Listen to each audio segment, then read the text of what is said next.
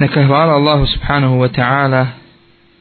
i neka je salavat i selam na posljednjeg Božijeg poslanika Muhammeda sallallahu alaihi wa sallama na njegovu porodicu, na njegove ashabe i na sve one koji ga slijede na putu dobra do sudnjega dana. Na samom početku želim još jednom uputiti zahvalu Allahu subhanahu wa ta'ala koji nam je omogućio da ovim mubareć noći dočekamo alhamdulillahi alhamdulillahi živi i zdravi i provodimo ove mubareč trenutke družeći se sa Allahom Đerlešanom knjigom i sa hadisima, sa izrakama, sa mudrostima, sa savjetima Allahog poslanika sallallahu alaihi wa sallame, sa smjernicama najodabranijeg stvorenja, najbogobojaznijeg čovjeka koji je hodio ovom zemljom sa onim za kojeg Allah subhanahu wa ta'ala kaže وَمَا أَرْسَلْنَاكَ إِلَّا رَحْمَةً لِلْعَالَمِينَ a nismo te poslali osim kao milost čovečanstvu. Večera ćemo se uz Allahu subhanahu wa ta'ala pomoć družiti tumačeći jedan hadis Allahovog poslanika sallallahu alaihi wa sallam koji je uputio jednom, mladiću, jednom mladom sahabiju po imenu Abdullah ibn Abbas radijallahu ta'ala anhu. Svaki hadis koji je rekao Allahu poslanih sallallahu alaihi sallam je pun mudrosti, pun savjeta, pun smjernica. Jer Allahu poslanih sallallahu alaihi sallam je imao jednu osobinu, jedno svojstvo kojim mi Allah Đelešanu dao, a to je da je sa malo riječi znao puno toga, puno toga reći. Pa tako i ovom hadisu, ovaj hadis koji ćemo ako bude citirati u njemu Allahu poslanik sallallahu alejhi ve selleme spominje dosta dosta stvari dosta da tako kažemo pravila i svako to pravilo bi komu od komotno mogla da bude hadis za sebe i o svakom tom pravilu bi čovjek mogao govoriti i možda i po nekoliko predavanja održati. Međutim, s obzirom da smo skučeni, sa vremenom mi ćemo pokušati samo onako u kratkim crtama najbitnije detalje i najbitnije momente ovog, u ovom hadisu spomenuti i pokušati približiti njegovo zlače, značenje e, svima nama kako bi saznali nešto novo, a nakon toga uz Allahovu pomoć po tome i radili. Hadis prenosi Abdullah ibn Abbas radijallahu ta'ala anhum kad ka i kaže Kuntu halfa nabi sallallahu alaihi wa sallam fa kala ja gulamu inni uallimuka kelimatin. Kaže Abdullah ibn Abbas bio sam iza poslanika sallallahu alaihi wa sallam pa mi poslanik alaihi salatu wa sallam kaže o dječače ja ću te poučiti nekoliko riječi. Ihfazi Allahe jahfazke, ihfazi Allahe teđidhu tuđahek. Čuvaj Allaha pa će Allah tebe čuvati, čuvaj Allaha, naći ćeš ga uvijek ispred sebe. Šta znači čuvaj Allaha, to ćemo ako Boga saznati u, u, u večerašnjoj emisiji. Dalje kaže poslanik sallallahu alaihi wa sallama, Iza se'alte fas'alillaha wa iza sta'ante bin billah, kada činiš dovu, kada nešto tražiš, traži od Allaha, a kada tražiš pomoć, traži od Allaha. wa Wa'lam anna al-ummata law ijtama'at 'ala an yanfa'uka bi shay'in lam yanfa'uka illa bi shay'in qad katabahu Allahu lak. iznai da kada bi se sav ummet ili jedan čitav narod sakupio da ti donesu kakvu korist, da ti nešto hajra učine, znaj da ti ne bi mogli koristiti, koristiti osim onoliko koliko ti je to propisao tvoj gospodar Allah Želešanuhu, wa in štemau ala a jadurruke bi še'in lem jadurruke illa bi še'in kad ketabahu Allahu alaik, a kada bi se sakupili da ti kakvu štetu nanesu, znaj da ti ne bi mogli nanijeti nikakvu štetu, osim onoliko koliko ti Allah subhanahu wa ta'ala to propisao. Rufi'ati l-aklamu wa jaffati suhuf, pera i olovke su podignute, a stranice su se osušile. U drugoj predaji ovog hadisa dolazi احفظ الله تجده امامك تعرف الى الله في الرخاء يعرفك في شده čuvaj Allaha naći ćeš ga ispred sebe i znaj za Allaha u blagostanju Allah dželle će znati za tebe kada budiš budeš u teškim e, trenucima واعلم أن ما أخطأك لم يكن ليصيبك وما أصابك لم يكن ليخطئك i znaj da ono što te zadesilo nije moglo da te mimoiđe i ono što te mimoišlo nije moglo da te, da te zadesi wa'alam anna nasra ma'a sabr wa anna al-faraja ma'a al-karb wa anna ma'a al-usri yusra i znaj da pobjeda dolazi sa saburom i da pomoć dolazi sa poteškoćom i da olakšica dolazi sa teškoćom. Ovo su riječi Allahu poslanika sallallahu alaihi wa sallame koje kao što sam rekao na početku su sigurno pune pune mudrosti, pune pouka koje, o kojima treba da razmišlja jedan vjernik, jedan musliman i da ju pokušava sprovesti u svom svakodnevnom životu i raditi po njima sve do onog trenutka kada mu Allah subhanahu wa ta'ala ne pošalje meleka smrti koji će mu uzeti, uzeti njegovu dušu. Ovaj hadis, kao što rekao smo, prenosi Abdullah ibn Abbas, ovaj vrijedni mladić, sahabija, drug Allahu poslanika sallallahu alaihi wa sallam, Amidžić Allahu poslanika sallallahu alaihi wa sallam, osoba koja je i takako bila draga Allahovom poslaniku alaihi salatu wa salam on se isticao nad ostalim mladićima, svojim vršnjacima, po tome što je dok su se oni igrali i zabavljali, dok su svoje te mladalačke dane provodili u onome u čemu ih provodi većina i tadašnje, a i današnje omladine, on je svoju risalu, svoj zadatak na ovom dunjaluku shvatio ozbiljno, pa je kao dječak kako mi kažemo, zasukao rukave i krenuo putem znanja. Krenuo je sticati znanje, tražio je i sakupljao hadise Allahu poslanika sallallahu alaihi wasallame. Poslanik sallallahu alaihi wasallam je primijetio u Ibn Abbas radijallahu ta'ala anhu jednu pronicljivost. Primijetio je da je Ibn Abbas radijallahu ta'ala anhu i takako nadaren mladić Tako se prenosi da jedne prilike Abdullah ibn Abbas za zanoćio kod poslanika sallallahu alaihi wasallame, pa Allahu poslanik sallallahu alaihi wasallame po običaju ustaje da obavi noćni, noćni namaz, da se zahvali Allahu subhanahu wa ta'ala i da njemu na seždu pada, da mu se zahvali na svim onim blagodatima koje mu je dao. Ustaje poslanik sallallahu alaihi wasallame i odlazi do hamama, a Ibn Abbas zna da će nakon što poslanik sallallahu alejhi ve selleme izađe iz hamama da će abdestiti, pa onda brže bolje odi naži neku kofu i stavi u nju, naspi u nju vodi i donese je pred hamam. Pa kada je poslanik sallallahu alejhi ve selleme izašao i vidio šta je to Ibn Abbas radijallahu ta'ala anhu učinio, Allahu poslanik sallallahu alejhi ve selleme upućuje Allahu dželle šanehu dovu i kaže: Allahumma faqihu fi din wa alimhu ta'wil. Kaže gospodaru moj, poduči ga propisima ove vjere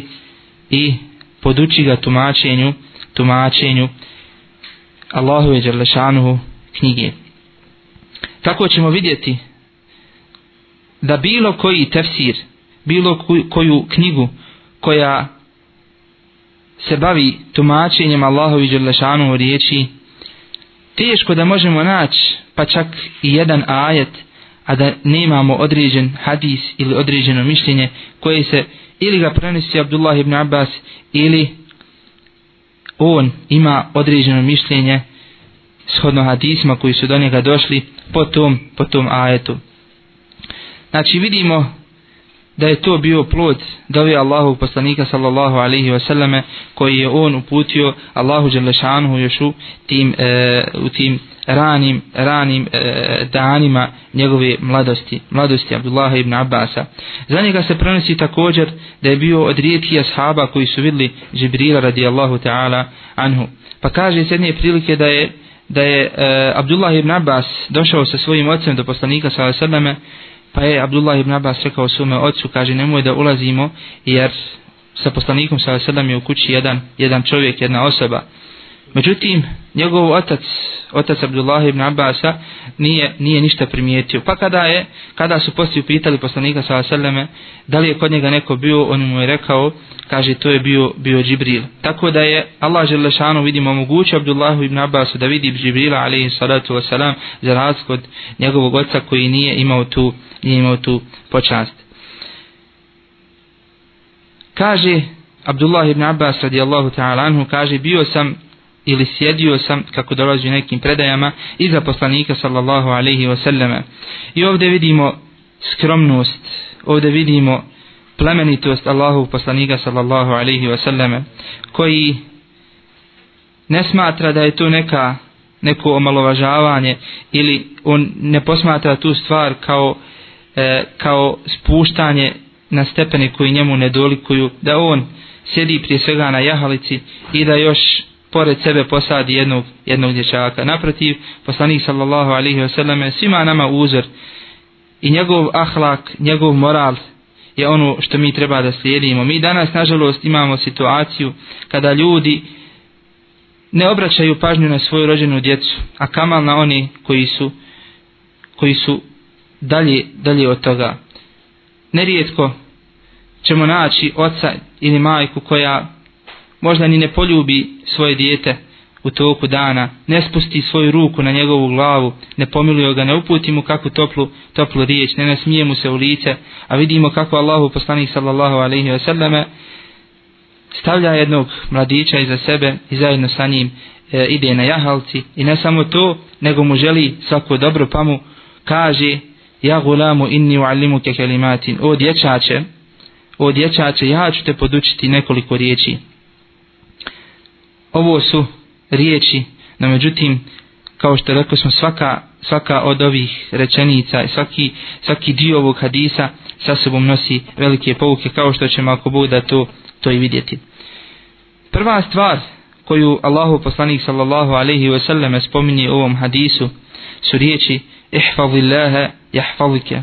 Kaže Allahu poslanik sallallahu alejhi ve selleme Abdullah ibn Abbas, čuvaj Allaha pa će i tebe Allah dželle šanu čuvati. Islamski učenjaci tumači ove riječi pa kažu čuvaj Allaha. Šta to znači čuvaj Allaha? Čuvati Allaha niko od nas ne može jer Allah dželle šanu je visoko iznad arša. Allah dželle šanu je taj koji se brine o svemu, taj čije znanje obuhvata sve, a mi Allaha subhanahu wa ta'ala niti možemo da vidimo, a kamal da ga čuvamo. Pa tako islam učenjaci tuma, tumače ove riječi pa kažu čuvati Allaha znači čuvati njegove naredbe, izvršavati ono što nam je Allah subhanahu wa ta'ala naredio i kloniti se onoga što je Allah subhanahu wa ta'ala zabranio to je ispravno tumačenje ovih riječi ihfalillaha, čuvaj Allaha.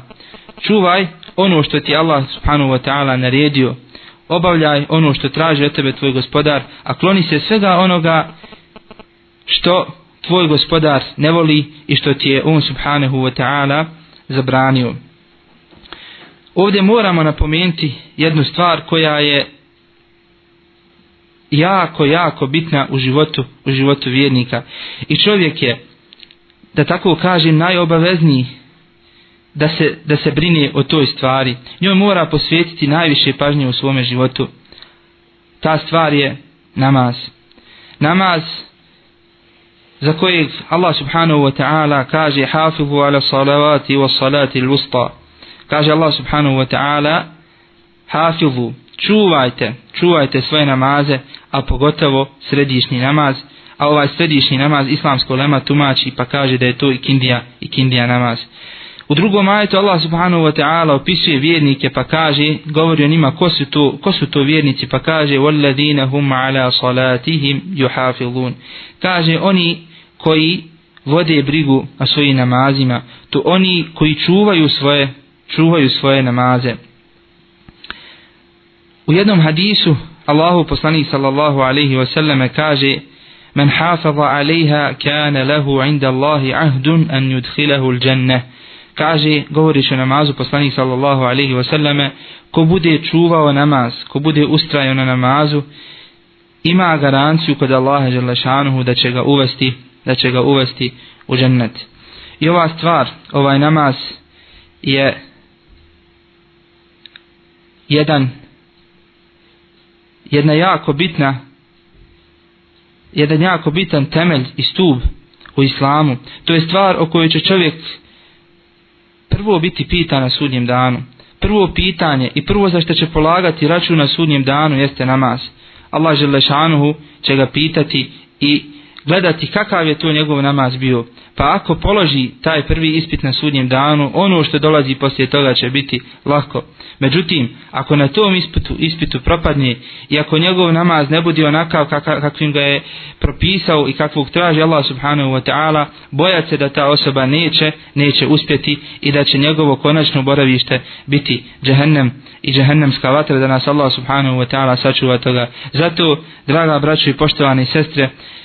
potrudimo se, potrudimo se i nemojmo se poigravati sa namazom. Gledajmo da, da namaz obavljamo onako kako nam je to propisao naš gospodar. Nemojmo izostavljati namaze,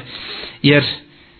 Allahu poslanik sallallahu alaihi wa sallam kaže Al-ahdu alladhi bejnana wa bejnahum as-sala fa man tarakaha faqad kafar. Ugovor između nas i njih, to jeste nevjernika je namaz, pa koga ostavi, pa koga ostavi postaje nevjernik. Zato nemojmo, nemojmo ostavljati namaz. Potrudimo se da ga izvršavamo, potrudimo se da ga klanjamo, potrudimo se da ga obavljamo onako kako nam je to naredio Allahu poslanik sallallahu alaihi wa sallame, kako bi ispunili svoju zadaću zbog čega nas je Allah subhanahu wa ta'ala i poslao na ovaj dunjaluk, da njemu robujemo i da, njemu, da njega obožavamo. Gledajmo da se na taj način približimo svome gospodaru. Gledajmo da oni namaze koje smo obavljali u ovom mubarek mjesecu, da ne odu tek tako, nemojte da ih zaboravimo poslije Ramazana, trebamo se potruti da i poslije Ramazana ta veza između nas i našeg gospodara ostane živa. Jer Allah žele šanuhu to traži od nas kako u Ramazanu tako i u drugim mjesecima mimo mjeseca Ramazana. Zatim sljedeća stvar koju također trebamo i takako čuvati jeste naš jezik. Jer Allahu poslanik sallallahu alaihi wa sallame u jednom hadisu kaže da onaj kaže za čovjeka, kaže ko mi garantuje dvije stvari, ja mu garantujem džennet, ko mi garantuje čistoću jezika i ko mi garantuje čistoću spolnog organa, ja mu garantujem džennet. Ko uspije sačuvati svoj jezik od gibeta, od nemimeta, od dogovaranja, prenošenja tuđih riječi radi zavađanja drugih, od svi, od, od zavidnosti, od ogovaranja, od vrijeđanja muslimana, ko uspije sačuvati taj svoj jezik od toga, blago njemu, blago njemu i neka zna da ga velike nagrade čekaju kod njegovog gospodara Allaha subhanahu wa ta'ala. Allah dželle šanehu kaže: "Inna sama wal basara wal fuada kullu ulaika kana anhu mas'ula." Kaže Allah subhanahu wa ta'ala: "Zaista će sluh i vid i srce zaista će čovjek o njima biti pitan. I tvoj sluh i tvoj pogled i tvoje srce Nemoj misliti da je Allah subhanahu wa ta'ala tek tako stvorio. Znaj da ćeš za sve ono što kažeš, za sve ono što vidiš i za sve ono što osjetiš u svom srcu, a zatim svojim dijelima to potvrdiš, biti pitan pred svojim gospodarom. Zato vodimo brigu o svom namazu, vodimo brigu o svom sluhu, vodimo brigu o svom jeziku koji je danas i tekako kako raskalašen, ljudi ne vode brigu o tome šta pričaju, ne vode brigu da li koga vrijeđaju, da li su kom je ružno šta rekli, ne vode brigu da li su, da li su svog komšu, da li su svog prijatelja, svog brata, svoje sestre govorili. Danas, kada se, kada se Fesad, pogotovo po pitanju ovih stvari ga širio, trebamo da iskoristimo ove ramazanske prilike, da iskoristimo ovaj post, da se klonimo svi tih loših stvari, da čuvamo svoje jezike, da čuvamo svoje jezike od onoga što nam je Allah subhanahu wa ta'ala zabranio. Dalje, kaže znači Allah subhanahu wa ta'ala, ihfaz illaha jahfazke. Čuvaj Allaha, pa će te Allah subhanahu wa ta'ala čuvati. Fadhkuruni adkurkum. Sjećajte se mene, spominjite me, ja ću vas spomenuti. Znači vidimo da ako mi budemo radili ono što Allah Đelešanuhu traži od nas, Allah žele šanhu će nam dati ono što nam obećaje. Ako budemo čuvali Allahove naredbe i naš Allah subhanahu wa ta'ala čuvati. Ako se budemo mi Allah žele šanhu sjećali, Allah žele šanhu će sjetiti nas, pa će nam dati svaki hajr i na dunjaluku i na ahiretu Zatim, Allah subhanahu wa ta'ala kaže wa ofu bi ahdi, ufi bi ahdikum. Izvršite obećanje koje ste mi dali, a ja ću upotpuniti obećanje koje sam ja vama dao. In tansurullaha yansurukum. Ako vi Allaha subhanahu wa ta'ala pomognete, Allah Đelešanu će vas pomoći. Zato gledajmo da čuvamo gledajmo da čuvamo ove Allahu subhanahu wa ta'ala zabrane i njegova naređenja pa, bin, pa će nas Allah subhanahu wa ta'ala sačuvati. Kako će nas tu Allah Đelešanu sačuvati? Allahu Đelešanu čuvanje roba vjernika muslimana se može podijeliti u dvije vrste. Prva vrsta jeste da Allah Želešanu te čuva u tvom dunjaluku, da čuva tvoj imetak, da čuva tvoje zdravlje, da čuva tvoje potomstvo, tvoj pored, tvoju djecu. Sve su to vidovi Allahu subhanahu wa ta'ala čuvanja njegovog, njegovog groba. Priješnje generacije su govorile da onaj ko bude čuvao Allaha Želešanuhu, u svojoj mladosti da će ga Allah subhanahu wa ta'ala sačuvati u, u starosti. Pa tako se prenosi od imama Taberija, od poznatog mufesira, kažu da je imao, da je doživio preko sto i nešto godina, imao je preko sto godina i kaže da se, kažu za njega da je da su njegovi pokreti bili pokret jednog mladića, pa su ga jedne prilike vidli kako je e, nešto preskakao ili skočio, kažu da je skočio poput, poput lava, pa su mu rekli, kaže, o imame taberi, zašto tako skačeš, pa znaš li ti koliko ti imaš godina, hoćeš li nešto da ti se deši, desi, nisi ti više mladić. A on im, Allah mu se smilovao odgovara, kaže, hadihi džavarih, hafidnaha anil ma'asi fi sigar, fa hafidhaha Allahu alejna fil kibar. Kaže, ovi naše, ovo, ovo naše tijelo, mi smo ga sačuvali od grijeha dok smo bili mladi, pa nam, ne, pa nam ga je Allah subhanahu wa ta'ala sačuvao u starosti. Zatim prenosi se od Sa'id ibn Musajjeva radijallahu ta'ala anhu wa rahimahullah da je govorio svom sinu kaže znaj moj sinčiću da ja nekada produžim svoj namaz znaj da nekada malo više klanjam iz jednog razloga a to je da mi te Allah subhanahu wa ta'ala zbog toga zbog toga sačuva kao što Allah subhanahu wa ta'ala spomeni eh, spomeni u suri al kahf wa kana abuhuma salihah wa kana abuhuma salihan. I njihov otac, jel ona dvojica mladića kojim je Allah subhanahu wa ta'ala e, podario svoje blagodati na, na dunjaluku, zbog čega? Zato što kaže Allah džele šanuhu wa kana abuhuma salihan kaže zato što je njihov otac bio, bio dobar. Ovdje se ima nama, jel roditeljima pouka, da trebamo koliko da budemo, trebamo biti dobri, koliko radi sebe, toliko i radi, radi naše djece jer Allah Đelešanu će ih sigurno, ako se mi budemo pridržavali njegovi naredi, Allah Đelešanu će, će njih sačuvati zbog naše, zbog naše iskrenosti, zbog našeg odnosa, ispravnog odnosa spran Allaha Subhanahu wa ta'ala. Prenosi se da je jedan od prvih generacija govorio, kaže inni la asi Allaha fa'arifu dhalika fi khuluqi fi khuluqi khadimi wa dabati kaže ja nekada učinim grijeh sprem uzvišenog Allaha Đelešanu, pa tu, kaže, osjetim u ponašanju svog sluge i u ponašanju svoje, e, svoje jahalice. Vidimo kako ti grijesi, kako taj odnos, loš odnos prema našeg gospodara na izvršavanje onoga što nam on naređuje što od nas traži, kako zna uticati i na ponašanje ne samo nas sami, nego i onih koji nas, koji nas okružuju. I druga stvar, drugi vid čuvanja Allaha subhanahu wa ta'ala, odnosno Allahu subhanahu wa ta'ala čuvanja njegovog groba, jeste i ona je bitnija od ove prve da Allah Želešanu čuva vjeru jednog muslimana, da čuva ono što je najdragocijenije na ovom dunjaluku. Tako se prenosi da je Allahu poslanik sallallahu alejhi ve selleme molio Allaha dželle šanehu da sačuva da sačuva njegovu vjeru pa bi govori pa bi govori Allahumma ya muqallibal qulubi thabbit qulubana ala dinik o ti koji prevrćeš prevrćeš srca učvrsti učvrsti naše srce učvrsti moje srce u tvoje vjeri Allah dželle šanehu čuva vjernika od svih sumnji od svih fitni od svih nerijeda i iskušenja čuva ga i daje mu da ustraje na pravom putu. Pogotovo danas u ovim teškim trenutcima i teškim vremenima, kad je malo, kad je malo onih koji se Allah subhanahu wa ta'ala pokoravaju. Pa u vid toga da te Allah želešanu, da šuva tvoj vjeru i to da ti dadne lijepo društvo, da ti dadne dobrog prijatelja ili da jednostavno loših čovjeka, loših prijatelja udalji od tebe. Da ti dadne lijepo i plemenito društvo ljude od koji ćeš čuti, čuti samo svaki hajr, a ono što je loše što Allah Đelešanuhu ne voli od njih, nećeš čuti čak što više, on će te odvraćati od toga. To je Allahu Đelešanuhu čuvanje tvoje vjeri. Zatim, ima jedan jako interesantan hadis koji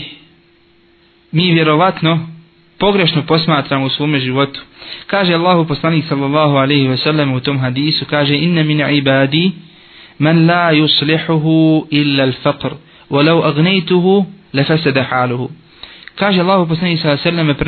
prenosići od Allaha Đelešanu koji kaže, kaže zaista ima mojih robova koji neće biti kako treba osim ako su siromašni. A kaže kada bi im ja dao bogatstvo, to bogatstvo bi ih pokvarlo. A kaže ima mojih robova koji ne može popraviti ništa drugo nego bogatstvo. A kada bi bili siromašni, kaže njihovo stanje bi se pokvarilo i ne bi bilo nakvim kakvim ih traži Allah subhanahu, subhanahu wa ta'ala. Danas ljudi čeznu, žude, priželjkuju, bude se sa tim idejama i spavaju sa tim i lijegaju i spavaju sa tim idejama da budu bogati. Međutim vidimo šta znači to bogatstvo za, za, jednu, za jednu skupinu ljudi. Znači da ćeš na kraju završiti u džahannamu. Jer ako te Allah Želešanu učini bogati, možda ćeš te uzoholiti, možda ćeš odbiti da daje zekat, možda ćeš odbiti da, da daješ sadaku, možda ćeš odbiti da postiš, jer zbog čega ja da postim, zbog čega da se ja e, patim, zbog čega da budem gladan i žedan kad mi Allah Želešanu dao i metak i dao mi da uživam u svim ovim blagodatima, u svim tim lijepim jelima i pićima, zbog čega neću. Zato svako od nas sam sebi treba da kaže ako je, ako je siromašan treba da kaže Allahu tebi hvala što si mi dao što si mi dao ovo što si mi dao ja sam tebi zahvalan jer Allah subhanahu wa ta'ala samo on zna u čemu je hajr i u čemu je dobro za sve nas i zbog toga treba da budemo zadovoljni sa Allahovim subhanahu wa ta'ala kaderom dalje U nastavku hadisa kaže poslanik sallallahu alaihi wa sallam Ihfazi Allahe teđidhu tuđahek A u drugom rivajetu i predaji kaže Ihfazi Allahe teđidhu amamek Čuvaj Allaha pa ćeš ga naći, naći ispred sebe Naći ćeš ga da te Allah subhanahu wa ta'ala pomaže onda kada ti je njegova pomoć potrebna i naći ćeš da ti Allah želešanu daje uvijek ono što je najbolje za tebe i tvoj dunjaluk i tvoj ahiret. Kaže Allah subhanahu wa ta'ala Inna Allahe ma'al ladhina taqav ladhina hum muhsinun Allah Želešanuhu je sa onima koji ga se boje i sa onima koji su muhsini, koji su dobročinitelji. Prenosi se od Katade radijallahu ta'ala anhu da je rekao Men Allahe ma'ahu wa men الله يكن ma'ahu fa ma'ahu l-fi'a allati la التي wal تغلب والحارس la لا wal hadi الذي la yadil. kaže Katade, Allah mu se smilovao, onaj ko se boji Allaha šanuhu Allah šanuhu će biti sa njim. A onaj sa kime bude Allah Đerlešanuhu, neka zna da je sa njim skupina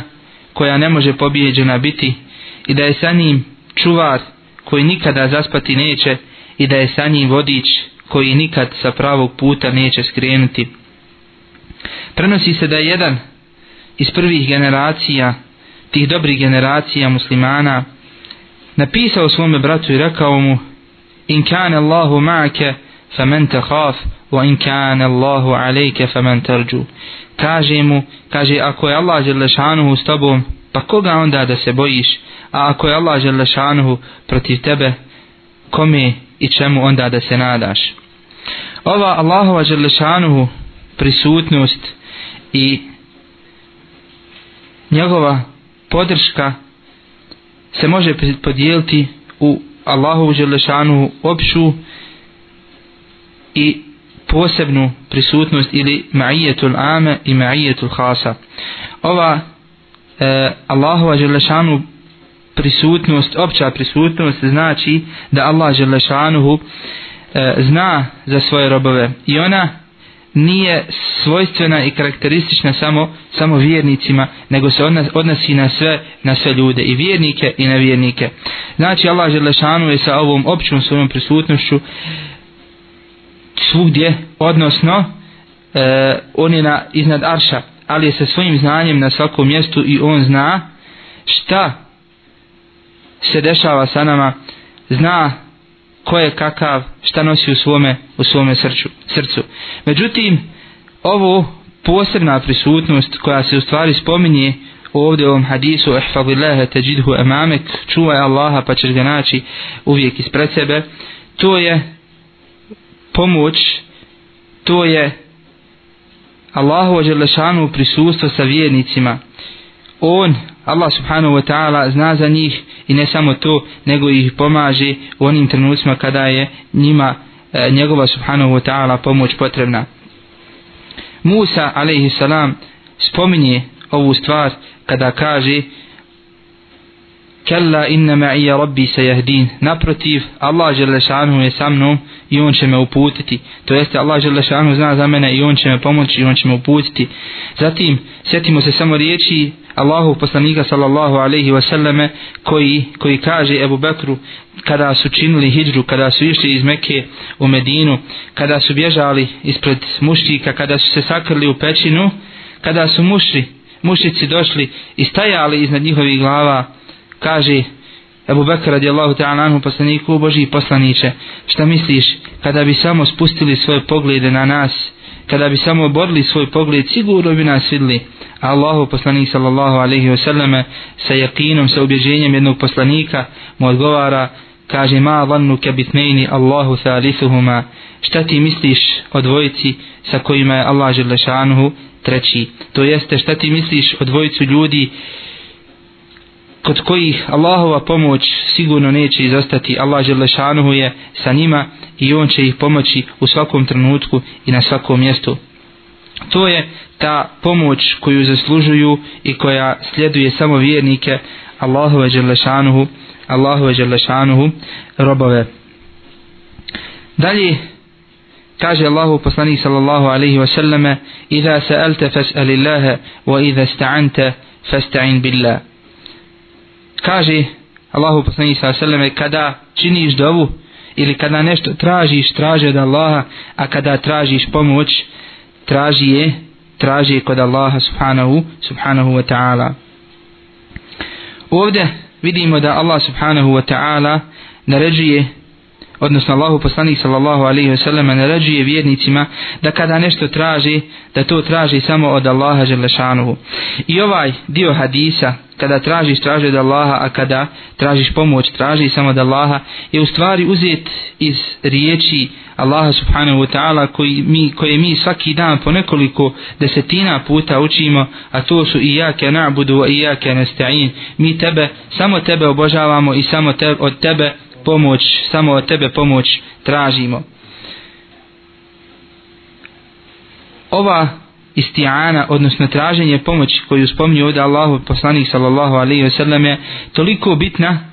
da nam je Allah subhanahu wa ta'ala naredio da je tražimo svaki dan na pet dnevnih namaza i ne samo to nego pogledajmo samo kako Allah subhanahu wa ta'ala kako je poredio te ajete u suri Fatiha. Pa tako, prije nek što smo došli do ovog stepena, do ovog, do ovog ajeta, kada ćemo nešto tražiti od Allaha Želešanu, s obzirom da ćemo tražiti jednu jako bitnu stvar, Allahu, Allah Želešanu nam nas uči kako i na koji način da se e, dodvoravamo Allahu Subhanahu Wa Ta'ala, pa kažemo Alhamdulillahi Rabbil Alamin, Hvala Allahu gospodaru svih svetuma, veličamo Allahu Subhanahu Wa Ta'ala, Ar-Rahman Ar-Rahim, milostivom samilosnog, spominjemo Allahu Đelešanuhu lijepa imena i svojstva. Zatim kažemo Maliki je umidin, vladaru sudnjega dana. Da bi nakon toga, nakon svih ovih uvoda, tražili onu stvar koja je i takako bitna u životu jednog vjernika, u životu jednog muslimana, i ja kja nabudu, i ja kja nastajim. Samo tebe pomoć tražimo, samo tebe obožavamo i samo tebe pomoć, samo tebe pomoć tražimo. Ovo traženje pomoći se dijeli u dvije stvari ili na, e, u dvije grupe. Prvo je traženje pomoći da od ljudi. To je traženje, traženje pomoći koje je e, dozvoljeno u onim granicama u kojima ljudi e, nam mogu, mogu nekakvu korist ili e, korist donijeti. To jeste ono što je u njihovim mogućnostima. Međutim, postoji e, jedno drugo traženje pomoći koje je svojstveno samo Allahu Đerlešanu i samo e, možemo je tražiti od Allaha Đerlešanu, a to je traženje pomoći u onim stvarima koje nije niko drugi u stanju osim Allah Subhanahu wa ta'ala. I zato trebamo iskoristiti, iskoristiti ovu stvar i trebamo se sješati svoga gospodara i tražiti, tražiti od njega, od njega pomoći. Dalje kaže Allahu poslanik sa Allahom ta'arraf ila Allahi firraha ya'rifuka fi šidde, kako dolazi u drugoj predavi, znaj za Allaha dželle želešanu u blagostanju, znači Allah subhanahu wa ta'ala za tebe u teškoćama. Sjetimo se primjera Yunusa alaihi salam, koji je znao za Allaha dželle želešanu dok je bio među svom, svojim narodom, sjećao se Allaha Đelešanu, spominjao ga, pozivao ljude, radio ono što Allah Đelešanu od njega tražio i što mu je naredio, a ostalo je ono što Allah Subhanahu wa ta'ala e, zabranio. Pa, vidimo da ga Allah subhanahu wa ta'ala zbog toga što se on sjećao svoga gospodara u blagostanju nije zaboravio u onim trenucima kada je kada mu je bilo teško. Poznato nam je da ga je tako progutala da ga je njegov narod bacio i da ga je progutala ona velika riba tako da se on našao u tmini njene utrobe na dnu u tminama, u tminama znači mora. Allah Želešanu je nakon toga naredio, naredio ribi da ga izbaci na kopno i na taj način se Yunus a.s. spasio. Allah Želešanu o njemu kaže فَلَوْ لَا كَانَ مِنَ الْمُسَبِّحِينَ لَلَبِثَ فِي بَطْنِهِ إِلَى يَوْمِ يُبْعَثُونَ Kaže, a da nije bio od onih koji su Allaha Želešanu slavili, to jeste njega se sjećali, ostao bi u njenoj utrobi do sudnjega dana. Znači Allah Želešanu ga je zbog toga što je e, znao za svoga gospodara u blagostanju Allah Želešanu ga je spasio u tim teškim trenucima kada mu je Allah subhanahu wa ta'ala pomoć bila neophodna. Kaže plemeniti Ashab Abu Darda radijallahu ta'ala anhu jednom čovjeku koji mu je tražio nasihat i savjet kaže mu uzkuru Allahe fi sarra jezkuru ke Allahu azze wa jel fi darra sjeti se kaže Allaha žele šanhu u blagostanju u lijepim trenutima svoga života pa ćete se Allah subhanahu wa ta'ala sjetiti onoga dana kada ti bude teško i kada budeš u nekoj nedaći najteži trenuci kada će nam najviše biti potrebna pomoć Allaha žele šanhu je sigurno trenutak kada se rastajemo sa ovim dunjalukom trenutak kada nam dolazi melek smrti. Zbog toga treba da se trudimo da se prije toga sjećamo Allaha Želešanuhu. Treba da se trudimo da znamo za Allaha Želešanuhu u svim, u svim trenucima, u svim mjesecima. Ne samo u mjesecu Ramazanu da robujemo Allahu Želešanuhu jer mjesec Ramazan je Allahu, ali su i ostali mjeseci Allahovi mjeseci. Allah Želešanuhu je tu prisutan živ u mjesecu Ramazanu, ali isto je tako Allah Želešanuhu je živ i u ostalim mjesecima i zaslužuje da ga mi obožavamo. Sjetimo se samo primjera Ebu Bekra radijallahu ta'ala anhu. Kada nakon smrti Allahu poslanika sallallahu alaihi wasallame ustaje penje na mimber, kaže Omeru, Omere silazi s mimbera, a Omer ne može da vjeruje da je poslanik sallallahu alaihi ve selleme preselio, pa kaže ko mi kaže, kaže Omer radijallahu ta'ala, ko mi kaže da je Boži poslanik sallallahu alaihi ve preselio, kaže ja ću mu ocijeć glavu, a Ebu Bekr radijallahu ta'ala anhu dolazi i kaže Omer silazi s mimbera. Popeo se Ebu Bekr na mimber i radi Allahu ta'ala anhu i obraća se prisutnim sahabijama pa im kaže kaže men kana ja abudu Muhammeden fa inne Muhammeden kad kad mat onaj koji obožavao Muhammeda neka zna da je Muhammed sallallahu alaihi wa sallam preselio wa men kana ja abudu Allahe fa inne Allahe hajun la jemut a koji obožavao Allaha želešanuhu neka zna da je Allah želešanuhu živ i on i on ne umire zato potrudimo se da obožavamo Allaha subhanahu wa ta'ala kako u mjesecu Ramazanu tako i u uh, onim mjesecima koji će doći poslije mjeseca Ramazana, nemojte dozvoliti da nam propadnu naša, naša djela koja smo činili u Ramazanu zbog toga što nismo dobi, bili dobri poslije mjeseca Ramazana. Dalje kaže Allahu poslanik sallallahu alaihi wasallam, uh, e, kaže آه، واعلم أن الأمة لو اجتمعت على أن ينفعوك على أن ينفعوك بشيء لم ينفعوك إلا بشيء قد كتبه الله لك وإن اجتمعوا على أن يضروك بشيء لم يضروك إلا بشيء قد كتبه الله عليك رفعت الأقلام وجفت الصحف كاج الله فصني صلى الله عليه وسلم إذنعي da kada bi se čitav umet, čitav narod sakupio da ti donesu kakvu korist, da ti nešto, da te s nečim okoriste, ne bi te mogli okoristiti osim onoliko koliko ti Allah subhanahu wa ta'ala propisao i kada bi se sakupili svi da ti nanesu kakvu štetu, znaj da ti ne bi mogli nanijeti nikakvu štetu osim onoliko koliko ti je propisao tvoj gospodar. tara su podignuta, a strance su se osušile. ovde sigurno se moramo i trebamo sjetiti jed primjera tog plemenitog poslanika Ibrahima alaihi salatu wasalam koji je upravo proživio ovo o čemu mi govorimo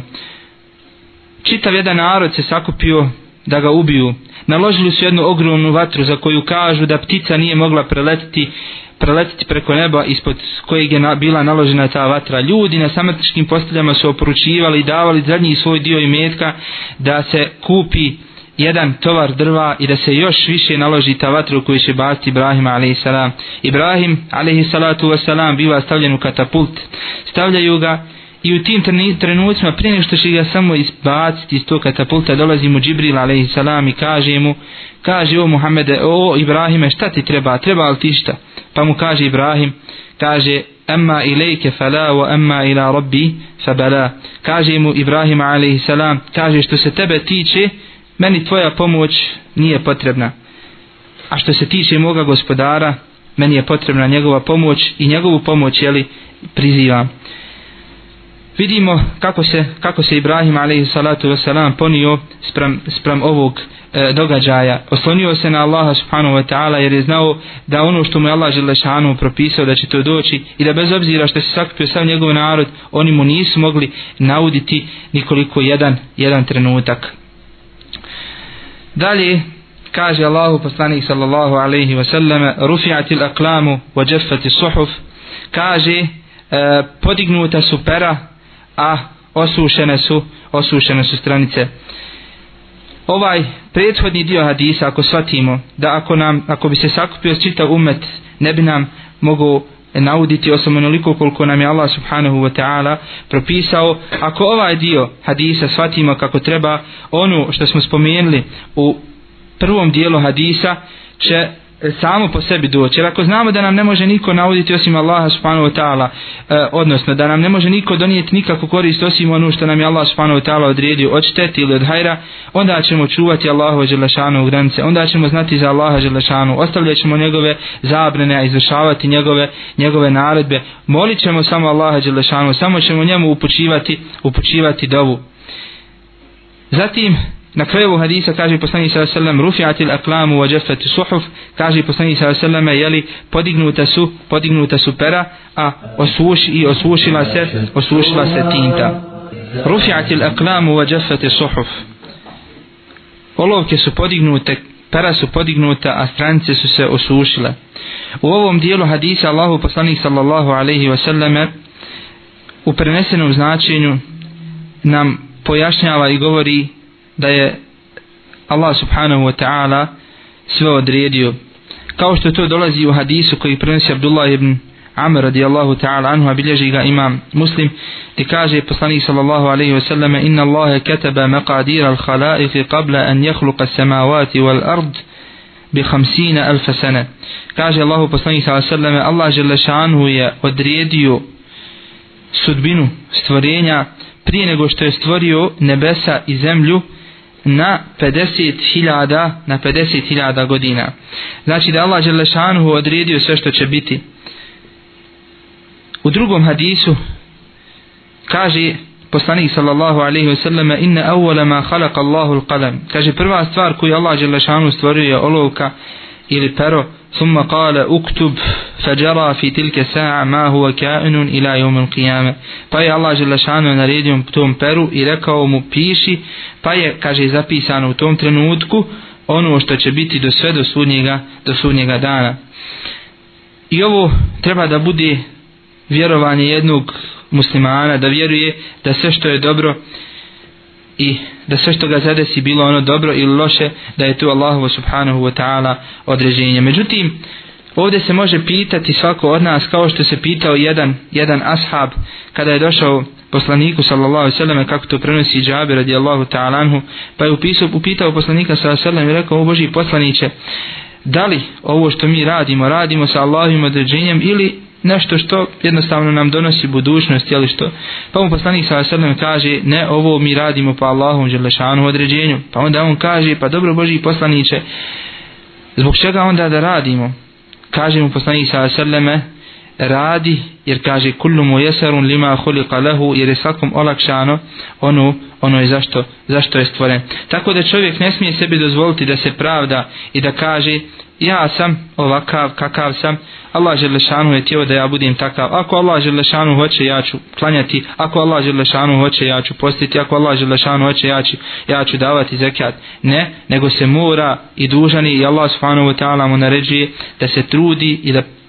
pokušava popraviti svoje stanje i svoj odnos prema uzvišnog Allaha Žešanu. Pa tako, kao što sabahile zasuči rukave, pa ode na posao, pa nastoji privrijediti nešto, e, nastoji tražiti na faku sebi i svojoj porodici, a ne oslanja se tu, odnosno ne kaže u toj situaciji, ako mi Allah odredio doće mene na faka, ne, nego je fino poranio i otišao na posao i potrudio se da zaradi nešto, a onda nakon toga kaže, ako je Allah odredio bit će nešto, ja sam uradio što je bilo do mene. Tako i u namazu, tako i u svim propisima čovjek treba i mora da se trudi, pa onda šta mu Allah Đelešanu udadne, to je Allahu Đelešanu određenje koje on nije mogao dokućiti svo, svojim razumom. I naš odnos sprem ovog kadera, sprem ovog Allahu Đelešanu određenja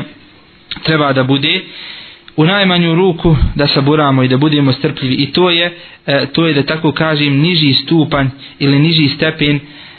ovog našeg odnosa sprem kadera Allahovog želešanu određenja, a jedan viši stupanje toga jeste da čovjek bude saburli i da je zadovoljan sa onim što mu je Allah subhanahu, subhanahu wa ta'ala dao. I na kraju ove druge predaje poslanih sallallahu alaihi sallam kaže وَعَلَمْ أَنَّ النَّصْرَ مَعَ صَبْرُ وَأَنَّ الْفَرَجَ مَعَ الْكَرْبُ وَأَنَّ مَعَ الْعُسْرِ يُسْرَ i znaje da pobjeda dolazi sa saburom i da olakšanje, odnosno i da pomoć dolazi sa poteškoćom i da olakšica e, dolazi nakon, nakon teške situacije. Pomoć će doći i u to vjernik ne sumnja. Međutim, da bi doživio tu i da bi ugledao svojim očima tu pomoć i pobjedu, pobjedu Islama, čovjek mora, mora da sabura. Pa tako, kao što mora da sabura, ako želi da uspije na Dunjaluku i ostali, kao što smo rekli, 11 mjeseci, da zna za Allaha, da ga obožava, isto tako mora mora da sabura sve do onog trenutka dok mu ne dođe dok mu ne dođe melek smrti da mu uzme dušu treba da sabura, da se nada Allahu Želešanu nagradi, jer samo na taj način će uspjeti i pobijeti i na Dunjaluku i na Ahiretu i treba da zna da bez obzira šta, šta god ga zadesilo, da će nakon toga, bez obzira koliko bila teška situacija, da će nakon toga E, doći, doći olakšanje, jer kako kažu da svaka poteškoća povlači za sobom dva olakšanja, međutim nekad Allah Želešanuhu e, odgađa to olakšanje kako bi se njegov rob što više, što više molio Allah Želešanu, jer Allah Želešanu voli da čuje glas onog svoga roba koji upućuje njemu dove i moli ga. Allah Želešanu mu želi time dobro, da se što više približi svome gospodaru, da ga što više moli, da mu se što više klanja, da ga što više obožava, da mu što više dove upućuje kako bi mu povećao njegove stepene na Dunjaluku i na Ahiretu. I na kraju bi zamolio Allaha subhanahu wa ta'ala da nas poživi do kraja mjeseca Ramazana, da nam da da iskoristimo ovim mubarek noći, da je provedemo i badetu, zikru, učenju Kur'ana, u namazima, da e, nastojimo oživjeti ove noći, ove zadnje noći ovog mjeseca, ovog Mubarek mjeseca, da ih posvijetimo Allahu Đelešanu, da, njega, da se njega najviše sjećamo, a da sve one svakodnevne probleme ostavimo po strani, barem ovaj još jedan dio Ramazana koji nam je ostao, a nakon toga da ne posustajemo da ne posustajemo i da ne zaboravimo na svog gospodara, nego da se i dalje trudimo da ustrajemo na lijepom, na, na, na lijepom putu Islama, jer ne možemo da zaboravimo sve ove dane posta koje smo tako lijepo ispostili. Ne možemo da zaboravimo oni, oni lijepe trenutke, iftarske trenutke kada smo se u predisarsko vrijeme sjećali Allaha Želešanu u našim dovama. možemo da zaboravimo sve te taravih namaza, te, sve te taravih namaze u kojima je možda nekome od nas potekla i suza, zadrhtalo njegovo srce, sjetivši se svih blagodati koje mu je Allah Želešanu dao i sjetivši se onoga dana kada će on morati stati pred svoga gospodara i polagati račun i na kraju molim Allaha Želešanu da ove riječi budu e, dokaz za nas, a ne protiv nas i da ovi savjeti upute koje smo čuli primijenimo, zapamtimo, a zatim primijenimo u svome svakodnevnom životu i E, na kraju molim Allaha Želešanu da vas nagradi svakim dobrom.